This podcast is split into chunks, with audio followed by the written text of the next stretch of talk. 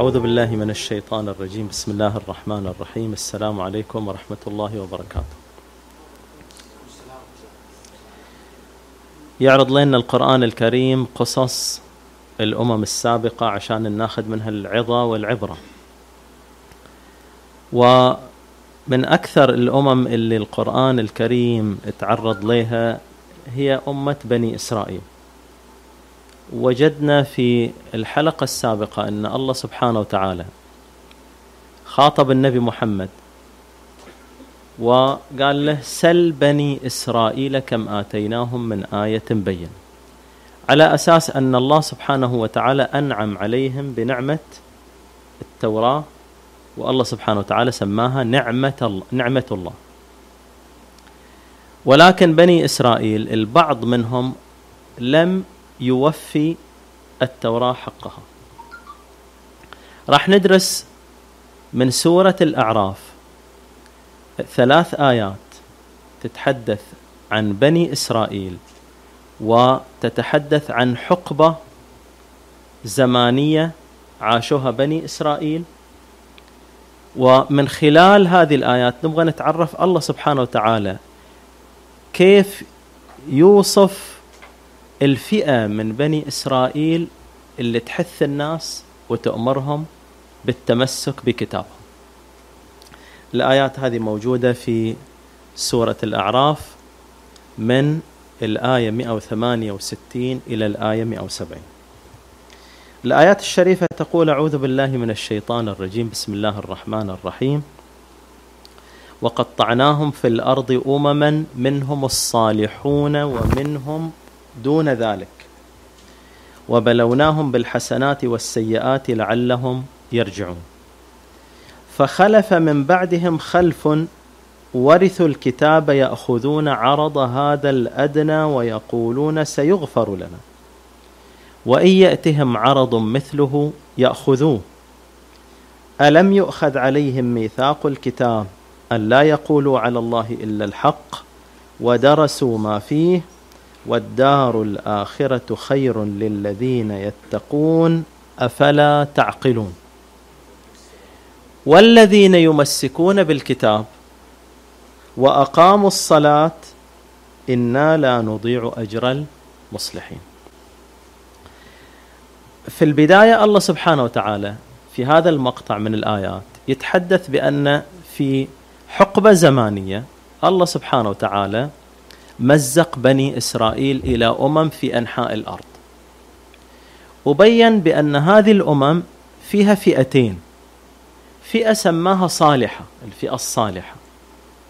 والفئة الثانية قال هي دون الصلاح. دون الصلاح يعني أقل من الصلاح. واللي أقل من الصلاح حسب تعريف الكتاب غير صالح.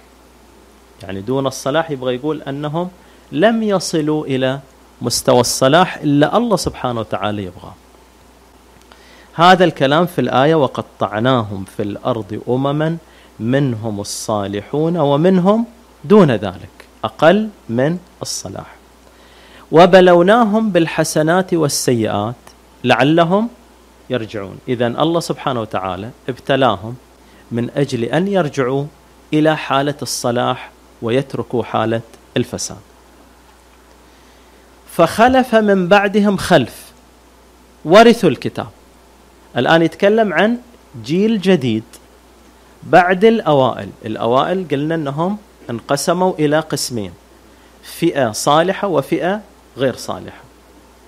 بعدهم انقضت هذه الفترة الزمانية وراحوا جو من بعدهم جيل آخر.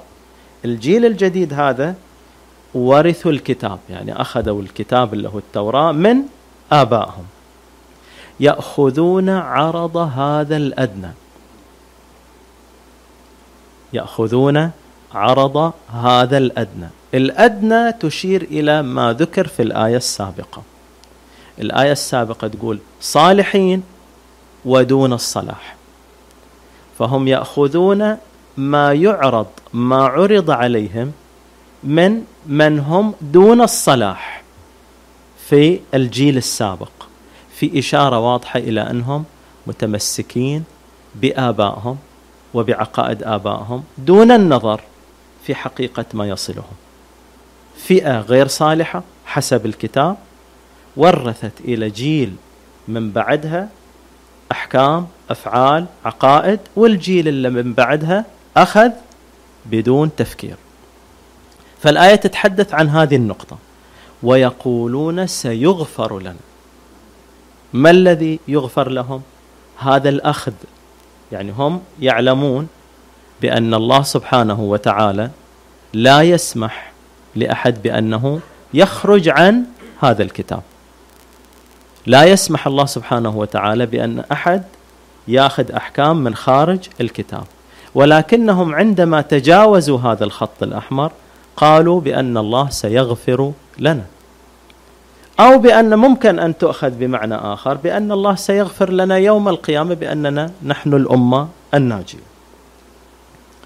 وإن يأتهم عرض مثله يأخذوه. هذا المقطع يدل على سقوط المناعة أو سقوط الحصانة. مناعتهم الإيمانية اختفت انلغت. وش هي المناعة الإيمانية؟ المناعة الإيمانية أن الإنسان ما يأخذ شيء إلا بتفكير ما يأخذ شيء إلا بعد أن يعرضه على كتاب الله. هذه العبارة وإن يأتهم عرض مثله يأخذوه تعني أنه ليس لديهم مناعة تجاه ما يعرض. أهم شيء فيما يعرض أنه يتوافق مع الهوى يتوافق مع ما ورثوه يأخذوا به. وإن يأتهم عرض مثله يأخذوه. ألم يؤخذ عليهم ميثاق الكتاب؟ أن لا يقولوا على الله إلا الحق ودرسوا ما فيه. يعني ألم يؤخذ عليهم ميثاق الكتاب؟ هنا الله سبحانه وتعالى يشير إلى حكم الله ذاكرنا إليهم في التوراة. وش هذا الحكم؟ حرمة التحدث بشيء من خارج الكتاب. حرمة الأخذ بشيء من خارج ما أنزل الله. هذا حرام. هذا الحكم الله سبحانه وتعالى سماه ميثاق الكتاب. من شدته ومن غلظته ومن أهميته. بأن الأمة اللي الله سبحانه وتعالى نزل عليها كتاب يجب أن لا تخرج عن كتابها المنزل. فسماه ميثاق. ألم يؤخذ عليهم ميثاق الكتاب ودرسوا ما فيه. هذا يؤكد المعنى اللي في الآية السابقة بأنهم أخذوا العرض بمعنى لم يعرضوه على كتاب الله. أخذوا ما عرض عليهم دون أن يعرضوه على كتاب الله. ودرسوا ما فيه. وهذه هي المشكلة. بأنهم يدرسوا الكتاب ويعلموا ما فيه من أحكام ولكنهم لا يطبقون. يطبقوا ما وجدوا عليه آباءهم ما عرض عليهم من الفئة التي سماها القرآن الكريم دون الصلاح. والدار الآخرة خير للذين يتقون أفلا تعقلون؟ هذا دليل على أنهم حبوا الدنيا وانسحب خوف الآخرة من قلوبهم. خرج خوف الآخرة من قلوبهم.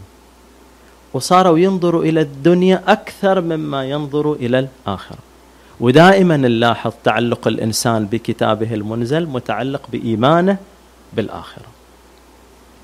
الآن بعد ما عرضت الآيات هذا الواقع وهذا الحال جت تتحدث عن فئة مهمة جدا تستدرك بأن صحيح هناك فئة لم تعرض ما أخذته على كتاب الله وتأخذ كل ما هو معروض كل ما هو موجود دون تفكير ودون تمحيص استدركت بأن هناك فئة أخرى والذين يمسكون بالكتاب وأقاموا الصلاة. إنا لا نضيع أجر المصلحين. هنا أول حاجة الآية تقول بأن التمسك بالكتاب هو الصلاح. يعني الوضع السابق كان حالة من الفساد. والابتعاد عن دين الله الحقيقي. وبأن هناك فئات تقول على الله ما لا تعلم. ألم يؤخذ عليهم ميثاق الكتاب أن لا يقولوا على الله؟ يقولوا بما لا يعلمون. بينما هذه الفئة تأمر بما أمر الله في الكتاب. والآية تقول يمسكون. ما معنى يمسكون؟ أنهم يجعلون الآخرين يتمسكون بالكتاب. يعني يحث الناس على التمسك بالكتاب. يحث الناس على أن ارجعوا إلى كتاب الله. في الوضع اللي انتشرت فيه الأباطيل انتشرت فيه العقائد الباطلة طلعت هذه الفئة وتقول عودوا إلى كتاب الله وتمسكوا به. الله سبحانه وتعالى يقول هذيل هم المصلحين. هذا هو الصلاح. لأن هذا هو الأصل اللي أنزله الله سبحانه وتعالى إليكم.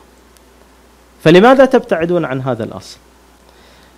إذا الله سبحانه وتعالى لما ينزل على أمة كتاب ينبغي على هذه الأمة أن لا تعيش انفصام في الشخصية.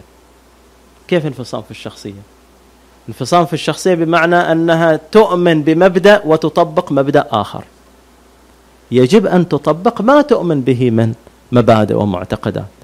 إذا كنتم تؤمنون بالكتاب طبقوا المعتقدات الأحكام المبادئ اللي موجودة في الكتاب. لا تعيشوا هذا الانفصام. هذا كتابنا وهذا عملنا. هنا انفصام هنا اختلاف ما بين الواقع وما بين المبدأ اللي يؤمن فيه الإنسان. وأيضا بينت لنا الآية الشريفة بأن الله سبحانه وتعالى يسمي الناس اللي يؤمروا بالتمسك بالكتاب يسميهم بأنهم صالحين. ولو رجعنا إلى الآية الأولى من بعد ما فهمنا الآية الأخيرة نفهم أن الصالحين في الآية الأولى يقصد اللي كانوا متمسكين بالكتاب وما دون الصلاح هو التمسك بغير الكتاب. وش له دون دون الكتاب؟ كل شيء غير كلام الله سبحانه وتعالى هو دون الكتاب. لأن كلام الله سبحانه وتعالى يعلو ولا يعلى عليه. أسأل الله سبحانه وتعالى أن نكون من المتمسكين والممسكين بهذا الكتاب العزيز. إلى أن نلقاكم في حلقة قادمة. نستودعكم الله. والسلام عليكم ورحمة الله وبركاته.